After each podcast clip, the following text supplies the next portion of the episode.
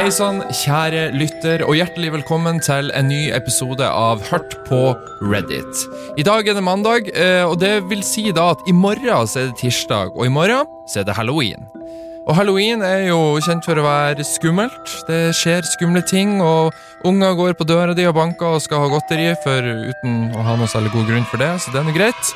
Um, og i forbindelse med at det er halloween i morgen, så tenkte jeg da at denne episoden her skal vi dedikere til halloween. Eller ikke dedikert til halloween, men vi skal dedikere det til skumle ting. Så derfor så har jeg bestemt meg for at uh, denne episoden her blir en slags del to av det skumleste folk på Reddit har opplevd i sine liv. Eh, og denne gangen her så kan jeg si så meget som at det er, det er noen urovekkende historier som skal komme fram her. Folk har hatt skumle opplevelser der ute. Eh, og hvis du har vært en long time eh, lojal lytter av denne podkasten her, så husker du kanskje at i episode to så hadde jeg en sånn her type episode. Eh, og da satt jeg og var redd, for at jeg satt og spilte det her Da satt jeg og spilte inn midt på sommeren i sommerferien i dette podkaststudiet her. Og nå er det heldigvis folk på kontoret her, så denne gangen så skal jeg forhåpentligvis ikke bli så skremt av historiene som jeg sjøl har funnet fram fra Reddit. Så jeg foreslår at vi bare setter i gang, og så bare la oss hive oss i gang med disse skumle historiene her. Eh, jeg ville bare oppfordre dere, for øvrig, før jeg starta, at hvis du, hvis du hører dette på Spotify eller uansett, ta og gi denne podkasten en rating. Hvis ikke du har gjort det, da ser podkasten lovende ut for nye lyttere, og flere lyttere kan få sjansen til å høre dette mesterverket av eh, en podkast. I tillegg så kan du gå inn på Instagram og følge Reddit-podden. Det er altså da Instagram-kontoen til denne podkasten her, og da får du enda mer støy og søppel i feeden din, og det, eh, det vil du ha. Så, så gjør det. Når det er sagt, så foreslår jeg at vi bare setter i gang med denne episoden, som er det, Hva er det skumleste du har opplevd, eller det skumleste folk har opplevd på Reddit?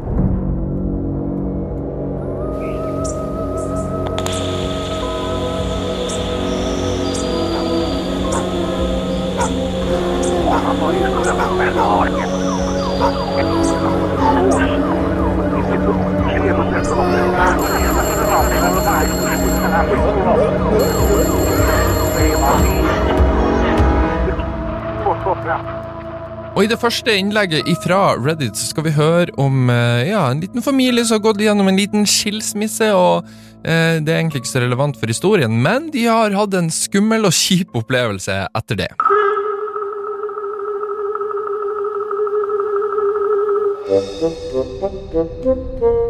Jeg var fem år gammel, og foreldrene mine hadde nettopp skilt seg. Mamma bodde i en toromsleilighet der jeg hadde mitt eget soverom, men jeg foretrakk å sove i senga hennes. De to soverommene våre var på enden av en gang, rett overfor hverandre.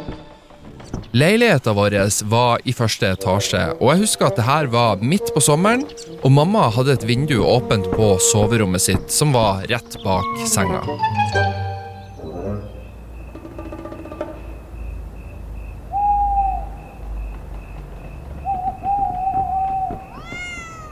Uansett, jeg våkna opp midt på natta og huska at jeg satte meg opp og så at katta vår satt i døråpninga til mamma sitt rom. Døra sto nemlig åpen, og man kunne så vidt se inn på mitt soverom når døra var åpen.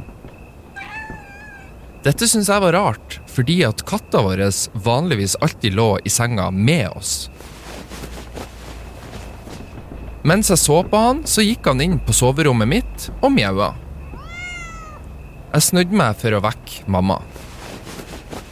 I de tre-fire sekundene det tok for henne å våkne opp og spørre meg hva som var galt, så så vi begge tilbake til døråpninga, og der sto det en mann på vei ut av soverommet mitt. Jeg vet fortsatt ikke hvordan hun klarte å gjøre det så raskt, men mora mi tok meg opp og kasta meg bokstavelig talt ut av vinduet som var åpent. Igjen så vil jeg påpeke at vi bodde i første etasje, så det var bare ca. en meter ned fra vinduet til bakken. Hun fulgte raskt etter, og vi begynte å rope etter hjelp, og noen ringte politiet.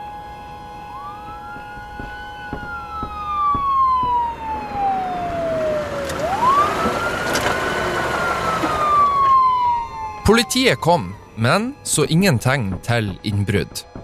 Bare at inngangsdøra vår var ulåst, noe som fikk dem til å tro at mannen må ha gått ut den veien. Det rare var at mamma sverga på at hun hadde låst døra den natta. Omtrent én uke seinere var hun i ferd med å rengjøre kjøkkenet, og åpna skapet til varmtvannstanken, der hun fant en notatbok med navn og tegninger, samt et par hansker og teip. Politiet ble ringt opp igjen, men alt de kunne gjøre, var å spekulere i at mannen hadde vært i huset vårt og gjemt seg til vi sovna av.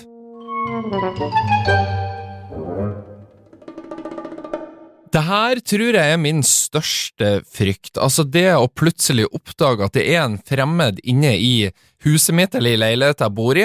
Og det er jo rett og slett fordi at der jeg bor, det er det tryggeste området for meg i hele verden akkurat nå. ikke sant? Leiligheten min, den er hellig, det er min safe space. Det er det her jeg har alt mitt privatliv. Her er jeg i fred, her kan jeg være 100 meg sjøl og hele den pakka der. Og hvis noen bare bryter seg inn i den intimsfæren som man har, eh, i sin egen leilighet, det, altså det, det hadde nok kommet til å traumatisert meg i lang tid. Eh, for å si det mildt. Så um, unner ingen å oppleve dette. Og det her kommer ifra meg. altså Jeg er jo født og oppvokst i Nord-Norge, og der um, kunne altså det kunne være netter og dager der vi ikke låste ytterdøra vår, rett og slett fordi at når vi bor på bygda i Nord-Norge, altså hva, hva gærent skal skje. Uh, men det har jeg opplevd etter at jeg flyttet til Oslo, det er å alltid låse døra. Uansett, uansett om du er hjemme eller om det er på dagtid, eller uansett, hold den døra låst, og så er du sikker på at du får være i fred. I neste innlegg fra Reddit så skal vi fortsette innom dette temaet, som er skumle ting som skjer når vi er hjemme.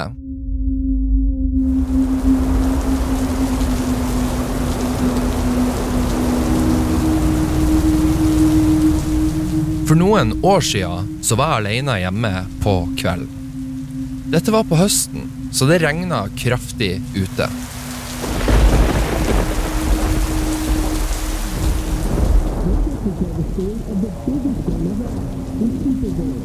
Jeg satt og så på TV i stua da jeg plutselig hørte dørklokka ringe.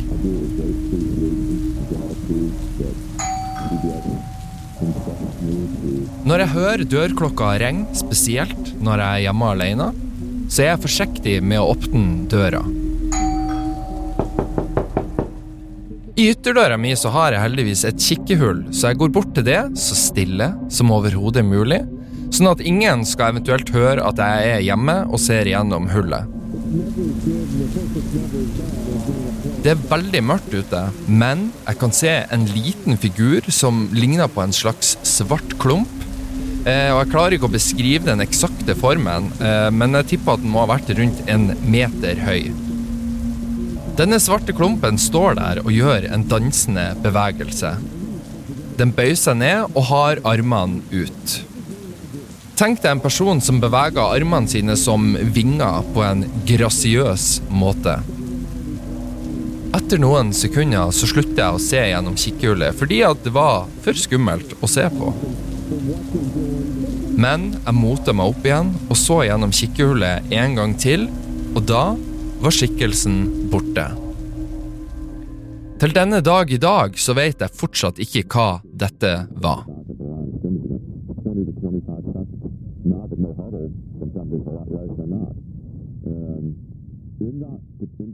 Ja, og derfor skal man ikke åpne døra hvis man er hjemme alene og ikke har Hvis man ikke har avtalt med noen at de skal komme og besøke deg, så skal du holde deg langt unna den døra der. For det, det eneste som potensielt kan være på andre sida av den døra da, det er enten folk som skal selge deg noe, eh, eller som for min del eh, Det her var nå forrige søndag, faktisk, så var jeg hjemme. Plutselig så er det noen som banker på døra mi. Er det politiet som kommer og henter meg nå fordi at jeg har fortalt at jeg kjørte pirattaxi i forrige episode av podkasten, eller hva er det som skjer her? Og heldigvis så har jo jeg også en, et kikkehull eh, i min dør, eh, så jeg ser igjen kikkehullet, og da ser jeg eh, to ungdommer som står utenfor eh, døra mi og, med sånne bøsse, så de var bøssebærere. Så da, som det kyniske menneske jeg var da, så lot jeg være å åpne døra og late som jeg ikke var hjemme. Men bare så det er sagt, jeg har donert til årets TV-aksjon, altså, men det har jeg gjort via Vips og P3-aksjon, um, og ikke via uh, folk på døra mi. Som dere sikkert vet, så er jo ikke jeg en overtroisk person. Jeg tror, jeg tror ikke på spøkelser og gjenferd, og ja, jeg er generelt veldig sånn skeptisk til sånne ting. Men uh, denne historien her, uh, hadde, jeg opplevd det samme som vi skal høre nå, så hadde jeg mulig at jeg hadde ombestemt meg og begynt å tro på ja, litt av hvert. En dag mens jeg tok klesvasken, så gikk en av lyspærene i kjelleren min.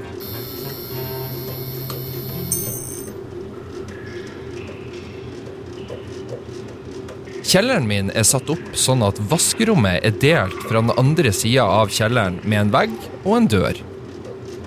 Så for å komme deg opp, så må du gå ut av vaskerommet og gjennom kjelleren. Så lyset gikk altså da i kjellerdelen og ikke på vaskerommet. Siden det var det eneste lyset i kjelleren utenom det lyset som er på vaskerommet, så var det veldig, veldig mørkt i kjelleren. Vaskemaskinen var ferdig, så jeg tok ut klærne mens jeg grua meg til å gå gjennom den mørke kjelleren. Jeg går ut av vaskerommet, og så kommer jeg halvveis gjennom kjelleren, og så hører jeg en høy kakling.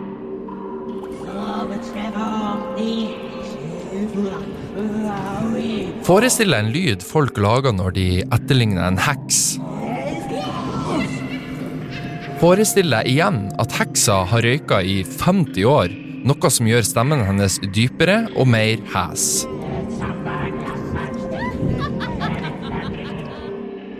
Det var det jeg hørte, klart som dagen, rett bak meg. Jeg nølte ikke med å spurte mot trappa. Jeg sprang opp og slemra igjen døra til kjelleren.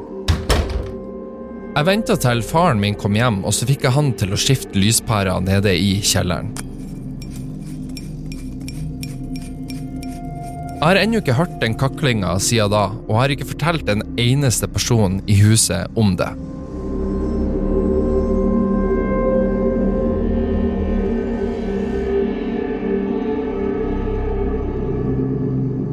Her prøver jeg å komme på liksom, hva kan denne kaklinga være. For jeg, jeg, tror jo ikke at det har vært en heks i, i, i, kjelleren til vedkommende som skriver dette innlegget her, men jeg liksom prøver å innbille meg hva kan det være som eh, på en måte skal gjenskape en lignende lyd, og jeg klarer ikke å komme på noe godt svar.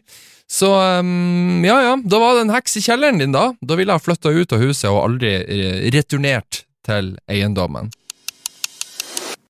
I neste innlegg fra Reddit så skal vi høre om et uh, ektepar som har kjøpt drømmehuset sitt. Og da skulle man jo tro at nå smiler livet, og alt blir bare å gå på skinner eh, herifra. Men sånn blir det jo selvfølgelig ikke i denne podkasten her.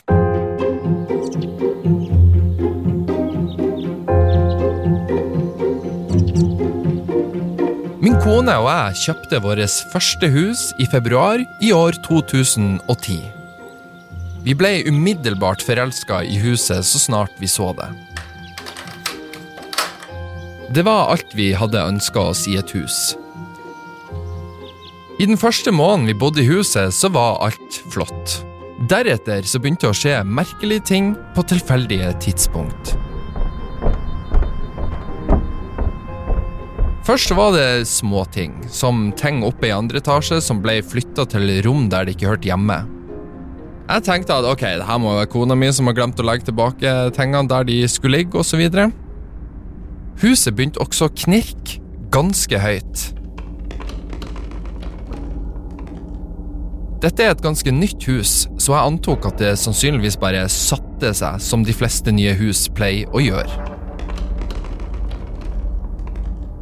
En dag så står kona og jeg og lager middag på kjøkkenet.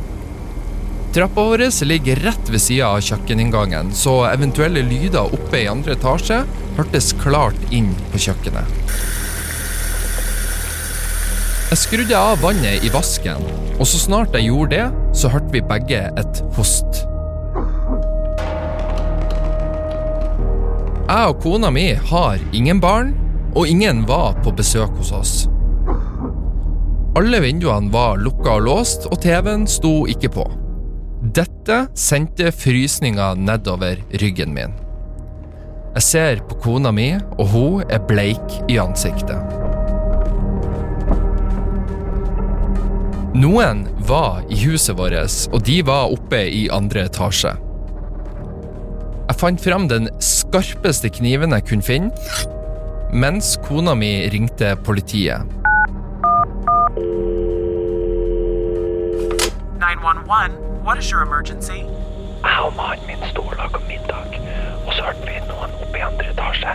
Vi, vi tror det kan være en innbruddstyv her. Dere må komme med en eneste gang. Jeg gikk til bunnen av trappa og sto stille for å høre etter, og da hørte jeg et høyt knirk, akkurat som de lydene jeg hadde hørt huset lag før. Hendene mine skalv. Politiet kommer i løpet av noen få minutter. Politimannen går sakte opp trappa med pistolen framme.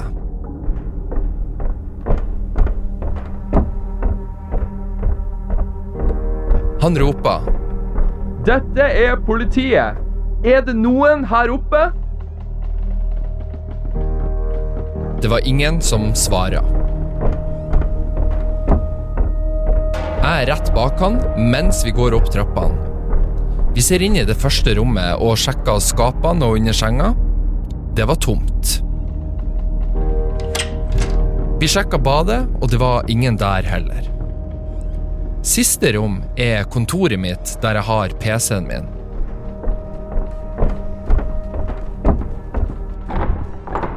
Og der var det heller ingen. Frykten min forsvant, og jeg følte meg som en komplett idiot som hadde ringt politiet og fått dem hit. Vi snur for å gå ut av rommet, og da hører vi plutselig rett over oss. På kontoret mitt så er det en luke i taket til loftet. Politimannen trekker ned trappa, og så roper han igjen. Dette er politiet! Er det noen der oppe? Kom fram hvis du er der! Han skrur på lommelykta, og så ser han opp.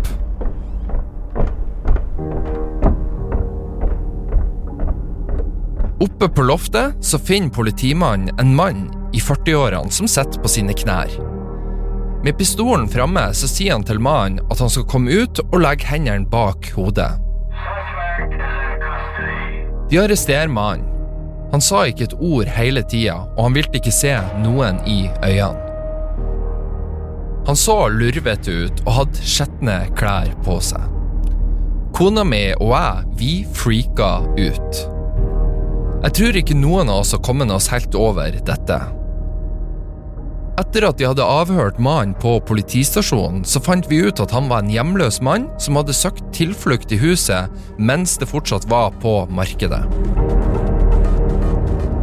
Han sa at dørene var ulåst, så derfor hadde han gått inn når det var ingen der, og så hadde han bestemt seg for å bo der. Vi kjøpte huset, og denne mannen bodde i huset vårt i en hel måned uten at vi visste om det. Det skremmer fortsatt en dag i dag av å bare tenke på dette.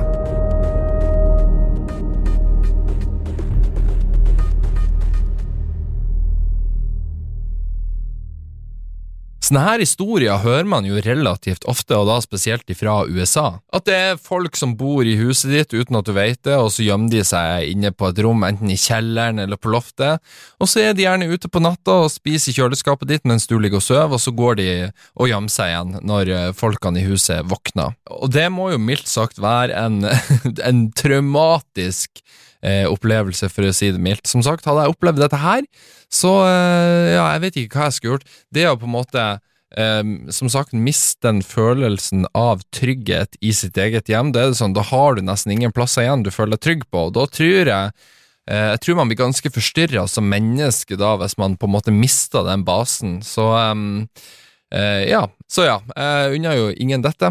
Ikke min verste fiende engang. Altså, fy faen, så skummelt å oppleve. I den neste historien fra Reddit så skal vi nå høre fra en fyr som er hjemme alene en hel helg, eh, og opplever noen ting som eh, ja, man kanskje ikke eh, skal oppleve, eller burde oppleve.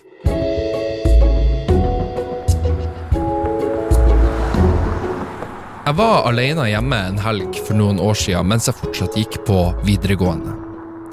Etter skolen på fredagen så kjørte jeg hjem, og da jeg parkerte foran huset mitt, så trodde jeg at jeg så en gammel dame i hvite klær i søstera mi sitt rom som kikka gjennom vinduet.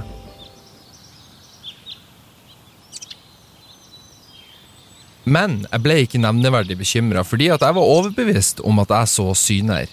Så jeg gikk inn på soverommet til søstera mi. Det var ingen der, så jeg endte opp med å bare glemme det hele av.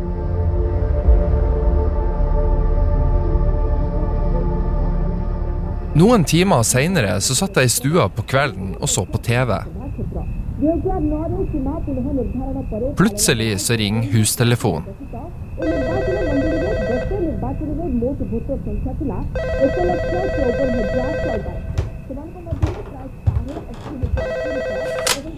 Hei, det er Jon fra nabohuset. Jeg, lurer på, er, er alt ok der borte? Hei, Jon. Ja, ja, alt er bra her. Eh, så vidt som jeg vet. Eh, hvorfor spør du? Nei, eh, jeg, jeg vil ikke skremme deg, men eh, jeg tror jeg så en gammel dame i hvite klær som gikk frem og tilbake i det jeg tippa er søstera di sitt soverom. Er du sikker på at du er alene i huset?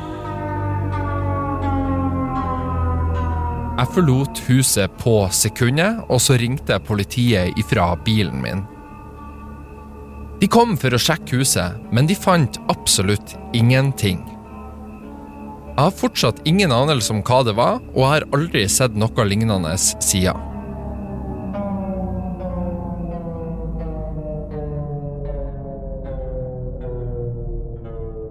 Altså Først og fremst, her er naboen Jon. Han er en helt. For hadde jeg fått en sånn her telefon sjøl, så hadde jeg, jeg beila det huset så fort som faen og gjort det samme og ringt politiet.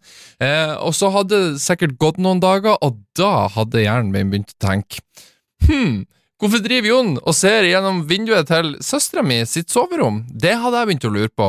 Men ikke det, altså. Noen ganger så lønner det seg å ha en pervers nabo som ser gjennom vinduene til folk, for da plutselig så kan de se ting som de kan advare deg med. Men eh, ja, det er litt, litt foruroligende, vil jeg si. I neste Reddit-post skal vi nå høre om ei dame som kanskje mest sannsynlig har fått hjelp ifra det overnaturlige.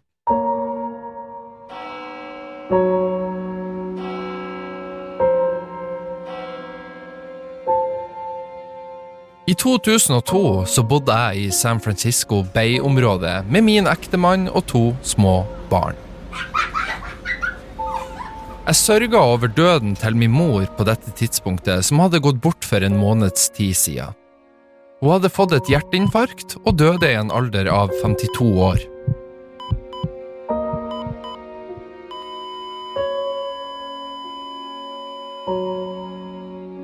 En dag så forlot jeg babyene mine hjemme med mannen min for å dra på matbutikken. Jeg kjørte et kvartal gjennom sentrum av Hayward for å komme til matbutikken. Jeg fikk handla det jeg skulle, og så satte jeg meg i bilen igjen for å kjøre hjem igjen. Når jeg var på vei hjem, så stoppa jeg ved et rødt lys for å ta en venstresving. Krysset jeg hadde stoppa i, hadde blindveier i alle fire retninger, så det var vanskelig å se kommende biler. Lyset mitt ble etter hvert grønt, og jeg tråkka på gasspedalen. Men den ville ikke bevege seg. Jeg prøvde igjen, tråkka ned, men ingenting skjedde. Bilen bak meg begynte å tute. Så jeg ble ganske stressa og ble litt rådvill, så jeg så raskt ned under pedalene for å se om det var muligens noe som hadde rulla under pedalen, men jeg fant ingenting. Jeg så opp, og plutselig så var det en svær arbeidsbil lasta med masse utstyr som kjørte gjennom hans røde lys i det som har vært 80 km i timen.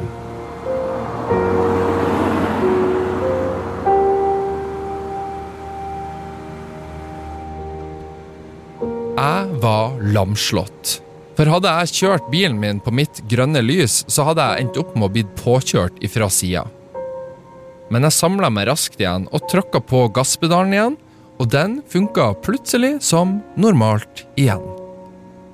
Plutselig så kjente jeg lukta av favorittparfymen til mora mi i bilen.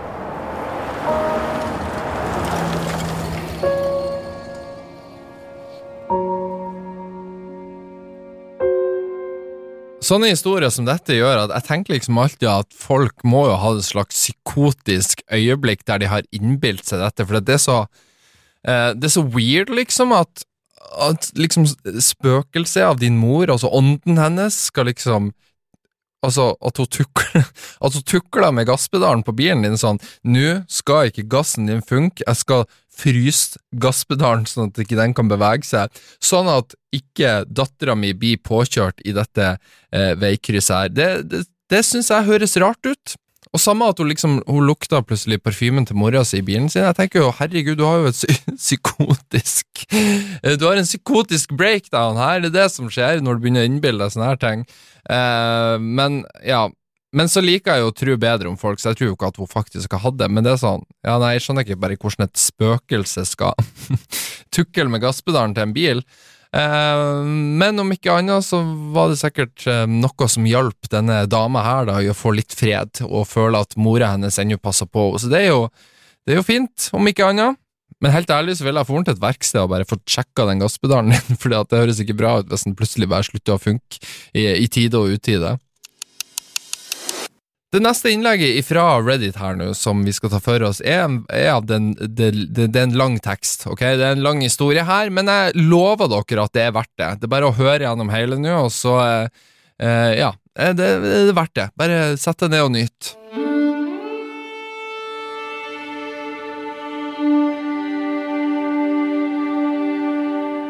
Jeg er en 25 år gammel mann, men dette her skjedde når jeg var ni år gammel. Jeg bor i et rekkehus som da er fire hus kombinert, der naboene mine og jeg har hver vår lille uteplass. Det er en liten vei ca. ti meter ifra hagen min, der folk går søndagsturer osv. Bare et lite gjerde skiller min hage og uteplass fra denne veien.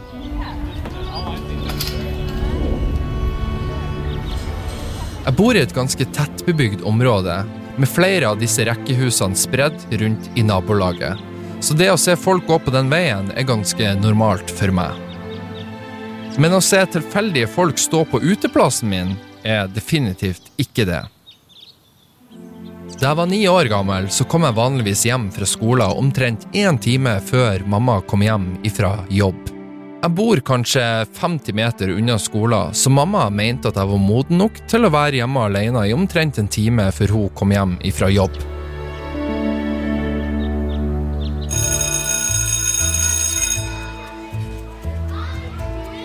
Denne ene dagen så kom jeg hjem ifra skolen. Jeg gjorde det vanlige, som var å sørge for at jeg låste ytterdøra og dobbeltsjekka at bakdøra som leda til uteplassen, også var låst. Jeg var tross alt ni år gammel, så det å være hjemme alene i en times tid var litt skummelt. Deretter så hasta jeg meg opp til rommet mitt for å spille så mye PlayStation som overhodet mulig før mamma kom hjem og fikk meg til å gjøre lekser.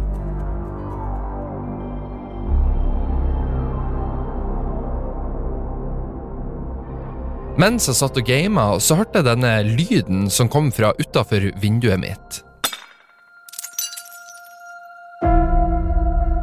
Rommet mitt lå én etasje over uteplassen, med utsikt til veien jeg har fortalt om i starten av dette innlegget.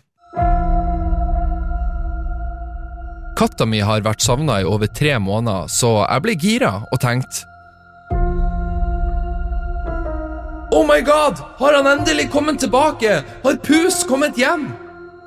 Jeg løp ned for å sjekke om det var katta mi, men synet som møtte meg, gir meg gåsehud bare av å skrive dette.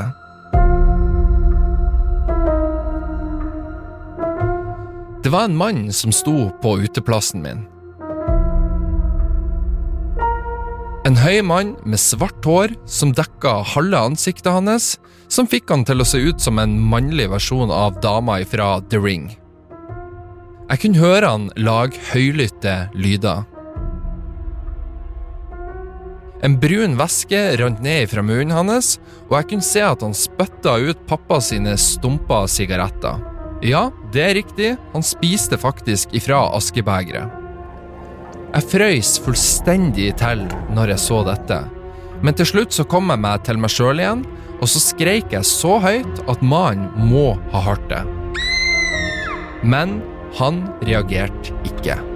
Han fortsetter å spise ifra askebegeret. Jeg sprang opp på rommet mitt, og så ringte jeg mamma, som deretter ringte politiet. Jeg har aldri vært så redd i hele mitt liv. Jeg lå i senga mi under dyna, stiv av frykt, mens jeg hørte disse ekle, høylytte lydene ifra mannen som spiste sigaretter fra askebegeret på uteplassen vår. Det neste jeg husker, er at politiet ankom veien ved hagen min.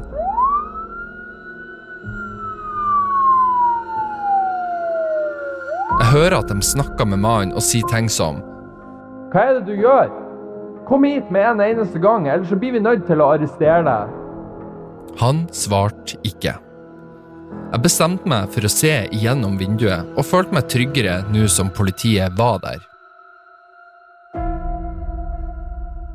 Jeg kunne se to politifolk som sto ved gjerdet mitt, en mann og ei dame. Jeg så ikke den ekle mannen, fordi han sto direkte under vinduet og utafor mitt synsfelt. Politiet hoppa over gjerdet, og jeg hører mannen skrike høyere enn jeg noen gang har hørt noen skrike før. Han sprang rett mot den kvinnelige politibetjenten med full kraft og slo henne ut. Datt ned på bakken og var bevisstløs. Den mannlige politibetjenten brukte umiddelbart elektrosjokkvåpen på mannen, noe som fikk han til å falle ned på bakken, fremdeles skrikende. Politimannen sleit med å holde han nede mens han satt på han håndjern, men til slutt så klarte han det. Etter en stund så klarte han å vekke den kvinnelige politibetjenten, som så ut til å være hardt skada. Han ringte etter forsterkninger og en ambulanse, og så ser han meg stående i vinduet ovenfor. Har du det bra, lille venn? Det er over nå. Du kan komme hit. Det er over. Det er trygt. Jeg var livredd, og jeg klarte ikke å røre meg. Du kan komme ut nå. Det er trygt. Den kvinnelige politibetjenten begynte å komme til seg sjøl igjen, og etter en stund så kom det flere politifolk og en ambulanse. De pakka mannen inn i en tvangstrøye eller noe sånt, og så fikk de han inn i en av politibilene. Den kvinnelige politibetjenten ble tatt med i en ambulanse. Jeg ble værende på rommet mitt helt til mamma kom hjem. Hun ble møtt av flere politibiler utafor rekkehuset vårt. Den mannlige politimannen kom tilbake seinere den kvelden og satte seg ned med meg og mamma for å snakke. Han forklarte at mannen som hadde vært på uteplassen min, var faktisk en diagnostisert mann med alvorlig autisme. Han hadde rømt ifra en institusjon for psykisk utfordra mennesker som lå omtrent fem kilometer fra der jeg bor. Han forklarte at mannen faktisk hadde bodd i huset vi bodde i nå, for fem år siden, men han hadde blitt tvunget til å flytte da mora hans, som var hans da eneste omsorgsperson, døde. Den stakkars mannen trodde sannsynligvis at han skulle finne mora si igjen i huset vårt. Dette var grunnen til at han reagerte som han gjorde da politiet kom denne dagen. Fremdeles skremt så fortalte politimannen at han måtte sørge for at dette aldri ville skje igjen.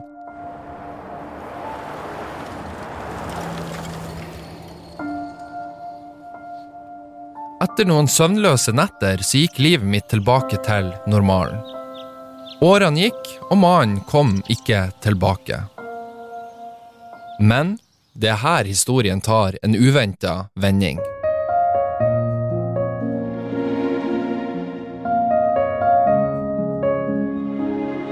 Mannen kom nemlig tilbake 15 år seinere. På dette tidspunktet så hadde mamma og pappa flytta ut, og jeg hadde kjøpt huset ifra dem, som jeg nå bor i. Jeg satt og nøyt morgenkaffen min på uteplassen da jeg ser denne tilfeldige mannen stoppe på veien ved gjerdet mitt. Han står bare der og ser på meg. Jeg ser på han, og så nikker jeg til han. Og da hører jeg de høylytte lydene igjen. Herregud, det er han igjen! Håret hans som før var svart, var nå blitt grått. Men de høylytte lydene fikk meg til å innse det. Hjertet mitt begynte å dunke, og jeg skjønte at han måtte ha klart å rømme igjen fra institusjonen. Men denne gangen så klarte jeg å forholde meg rolig, ettersom at jeg nå er en voksen mann. Og da innså jeg nemlig at jeg synes synd i denne mannen. 15 år seinere, og han var fortsatt tilbake for å lete etter mora si. Jeg bestemte meg for å forsiktig spørre han om han ville komme til huset. Han hoppa over gjerdet, og jeg begynte å frykte at kanskje han skulle slå meg ned, sånn som han gjorde med den kvinnelige politibetjenten. Det gjorde han heldigvis ikke. Han så på meg, og så smila han. Jeg tilbød han å sette seg ned, men han svarte ikke. Jeg sa at han kunne få komme inn i huset hvis han ville, og da begynte han å flire. Vi gikk inn i huset. Ansiktet hans lyste opp av ren glede. Han var hjemme. Det minnet han om livet han hadde med mora si. Det fikk meg nesten til å felle en tåre. Plutselig så satte han seg ned i sofaen min, slo på TV-en, og så bytta han til en kanal som viste tegnefilmer.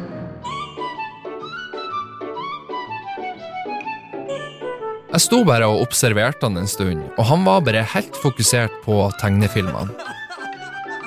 Jeg ville bare at han skulle nyte øyeblikket, så jeg sa ingenting til han. Men jeg skjønte at jeg måtte ringe institusjonen for å gi dem beskjed om at han hadde rømt igjen. Omsorgspersonene fra institusjonen kom ti minutter seinere. Etter mye overtalelse så reiste han seg opp, gråtende, og de dro tilbake til institusjonen. Jeg ringte institusjonen to dager seinere, og da inngikk vi en avtale. Hans navn er nemlig Tom, og jeg anser nå Tom som min nærmeste venn. Hver søndag fra dagen han kom tilbake, så besøker Tom og omsorgspersonene hans meg for å se på tegnefilmer. De sier at det er ukas høydepunkt for han. Det varma hjertet mitt. I flere år så var Tom mitt absolutte mareritt som ga meg traumer. Nå er Tom en av mine nærmeste venner.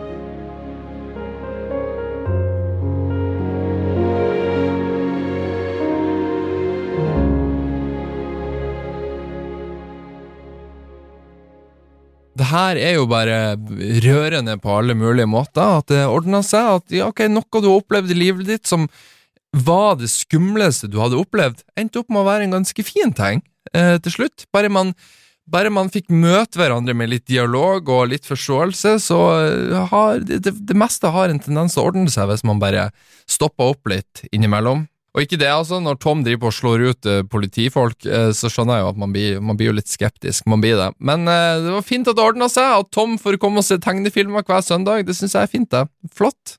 For jeg vet nemlig ikke om jeg hadde vært like tålmodig. Um, altså Søndager for meg er vanligvis en rolig hviledag. ikke sant? Det skal, av, det skal være avslapning på søndager. Jeg skal, ikke ha, skal ikke ha pasienter som er autister som skal komme til meg for å se tegnefilm. Det, det, hadde, det hadde vært litt for meget for meg, tror jeg. Nå er det jo nesten litt hyggelig her, og vi kan jo ikke risikere å ha det for hyggelig, så vi legger, vi legger den følelsen bort, og så går vi over til neste Reddit-innlegg, som, ja, som er ikke, så, ikke fullt så hyggelig.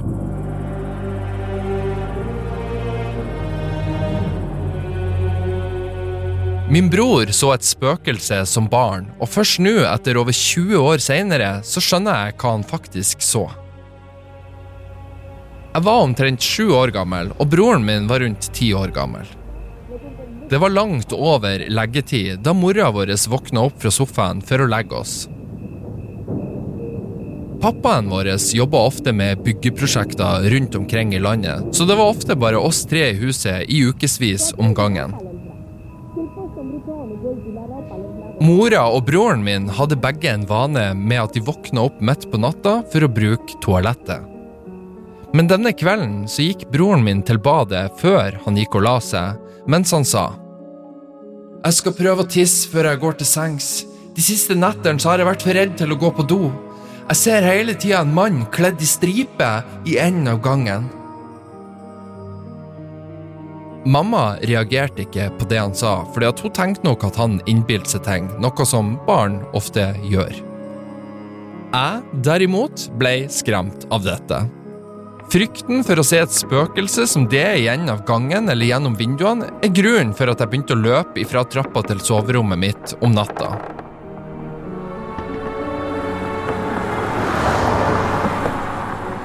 Mange år seinere, da jeg var omtrent 18 år gammel, så hadde mora mi og jeg en samtale i bilen hennes om en hund vi hadde i en veldig kort tid da jeg var liten. Vi delte historier om hunden sin tendens til å ødelegge skoene mine, da mora mi plutselig sa Husker du den gangen jeg åpna døra for politiet, og hunden løp inn på kjøkkenet og begynte å rive opp den store sekken med hundemat vi hadde? Dette overraska meg, fordi i alle de årene jeg bodde i det huset, så ringte vi aldri til politiet. Jeg spurte henne hva hun snakka om, og hun så like overraska ut som om at hun nettopp hadde avslørt noe ved en feiltagelse. Ah, stemmer! Jeg fortalte aldri dette, for du du var så liten da. Men, men en natt så våkna jeg av lyder utafor vinduet mitt, og da jeg så ut, så så jeg en mann som stirra inn i soverommet mitt. Hun fortsatte med å beskrive hvordan det å skru på lysene fikk han til å stikke av, og at hun hadde tatt pappa sin pistol før hun ringte politiet. Jeg husker ikke alle detaljene jeg ga dem da de kom. Det var en høy, hvit mann, eh, iført en stripete skjorte og jeans, eh, kort, mørkt hår. De sa at det passet med beskrivelsen av en mann de lette etter i området, for det viste seg at han hadde rømt fra fengsel pga. et drap han hadde gjort.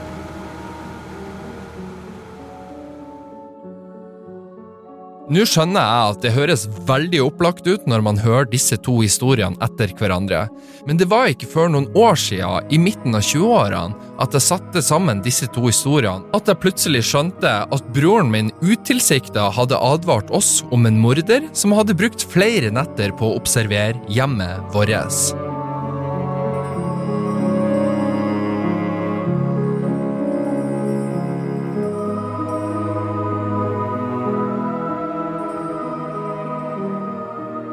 Jeg skjønner jo at det, det her er det skumle ting som foregår. ikke sant? Broren din ser en fyr med stripete klær, og man tror det er et spøkelse. Og så viser det seg at å ja, det var en morder som, som sto utenfor vinduet og i gangen. og Det, det er kjempecreepy. Helt jævlig. Men det jeg lurer mest på etter å ha eh, hørt denne historien her, er hvorfor de hadde en hund i en så kort tid som han nøye beskriver. Det var liksom for han skriver liksom at uh, han og mora hadde en samtale i bilen hennes om, at, om en hund de hadde i en veldig kort tid. Ikke sant? Han presiserer de hadde hund i en veldig kort tid, og lurer på hva skjedde med hunden? Be var hunden syk, eller var det bare en hund dere passa, eller hva er greia her? Du kan ikke bare ha en, en hund skal du ikke ha i kort tid. En hund har du i 10-15 år, ideelt sett, hvis du er en god hundeeier de tingene man aldri får vite mer om i disse historiene. Altså, det er alltid en skummel mann i huset. Jeg vil vite om hunden! Hva skjedde? Nå skal vi høre med ei dame som er hjemme alene, og som hører typen kommer hjem. Bortsett fra at det ikke er typen hennes.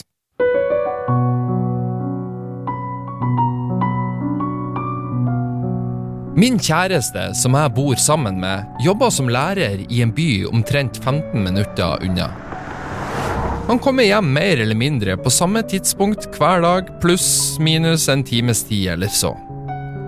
Jeg jobber derimot hjemmefra. I slutten av januar i år så havna vi i en ganske stor krangel om et eller annet dumt. Jeg kan ikke engang huske hva det handler om nå, men det var en av de kranglene der vi ikke snakka sammen, sendte tekstmeldinger, ringte eller noe som helst hele neste dag.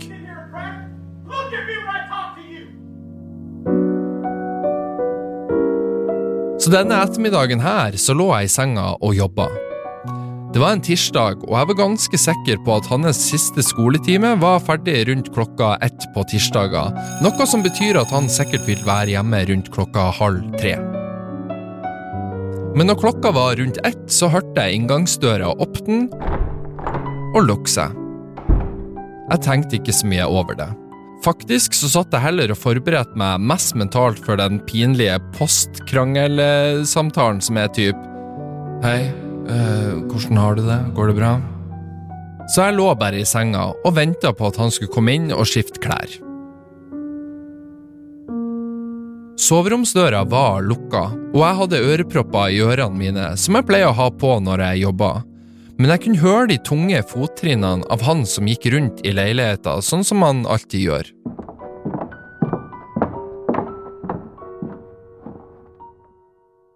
Hvis vi ikke hadde vært midt i en krangel, og jeg ikke var så opptatt av pinligheter ved det hele, så kunne jeg kanskje ha lagt merke til at det var litt rart hvor treg fottrinnene var, eller hvor lenge han brukte på å gå rundt i stua. Men jeg var fanga i dramatikken av krangelen og tenkte ikke over det. Jeg bare lå der og venta og venta og venta på at han endelig skulle komme inn. Til slutt så åpna soveromsdøra seg, sakte og litt på gløtt.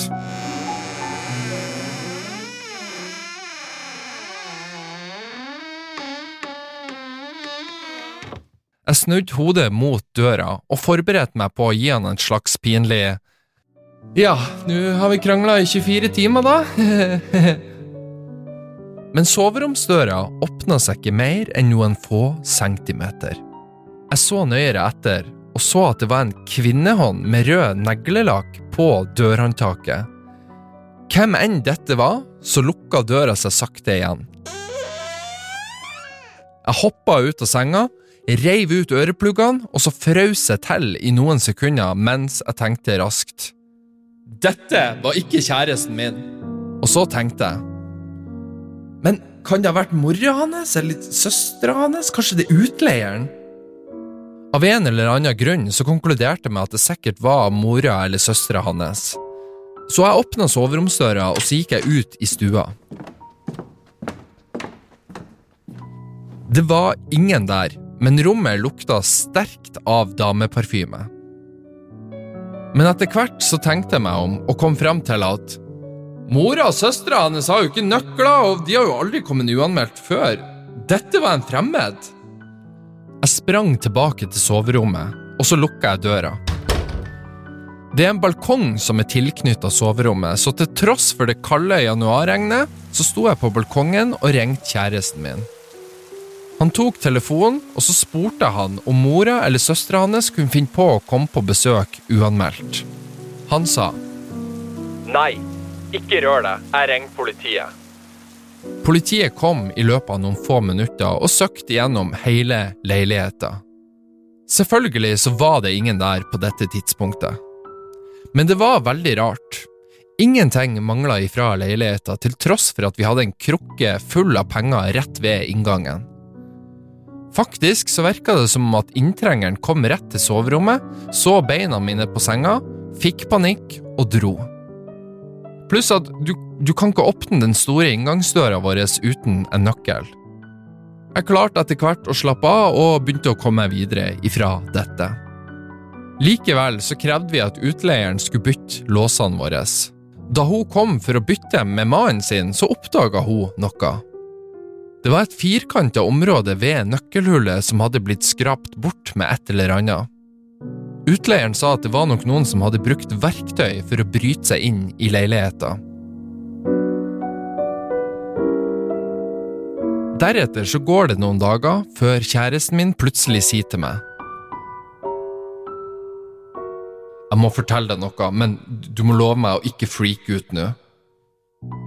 Han fortalte meg at kjøkkensaksa vår var borte. Jeg freaka selvfølgelig ut. Jeg endevendte leiligheta på jakt etter saksa.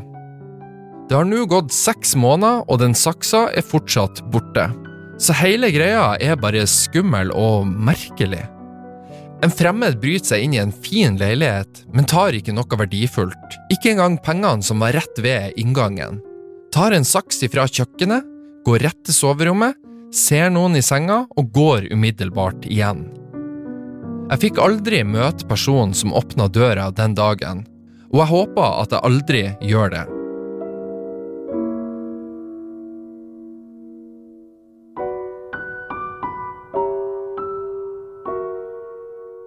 Det jeg syns denne historien klarer å fange aller best, det er den der hvor pinlig eller kleint det er når man har krangla med, med partneren sin. For det kan jeg kjenne meg veldig igjen i, hvis man krangler noe intenst med den man bor sammen med, og så er det sånn eh, når, når krangelen går over, så er det alltid det kleine tidspunktet der ingen egentlig snakker med hverandre, og så skjønner man at før eller senere så må vi eh, prate med hverandre og på en måte få lufta ut denne krangelen her og bli ferdig med det. Eh, så jeg syns det var en sånn fin, fin krydder i denne historien her. Uansett så virka det jo som alt gikk bra til syvende og sist, til tross for den skumle opplevelsen, og det kan virke som at parforholdet deres kom seg At de kom seg etter krangelen òg, så det, det, er fint. Det var jo en eh, lykkelig slutt eh, på denne historien. Uansett, det var alle episodene jeg hadde for eh, denne episoden her, denne lille Halloween-spesialen. Så jeg håper at disse historiene her fikk dere litt mer i sånn eh, stemning til halloween, og at dere kanskje følte dere litt engstelige innimellom når dere hørte disse historiene. Hvis ikke så må jeg bli en bedre historieforteller, eller bare finne skumlere historier, rett og slett. Uansett så vil jeg takke deg så mye for at du har hørt på denne episoden av Hørt på Reddit. Hvis ikke du har hørt de andre episodene ennå, så kan du bare gjøre det, for nå er det tipp tipper jeg nok episoder til at du kan høre på denne podkasten non-stop i ti timer. Eh, så her er, bare, her er det bare å kose seg, rett og slett. Hvis ikke du har gjort det ennå, så kan du følge denne podkasten i den podkastappen du hører på, så får du varsel hver mandag når det kommer ut en ny episode av eh, Hørt på Reddit. Så eh, hvis du gjør det nå, så går jeg ut ifra at vi høres igjen neste mandag. Ok? Veldig bra. Tusen takk for meg. Ha det bra.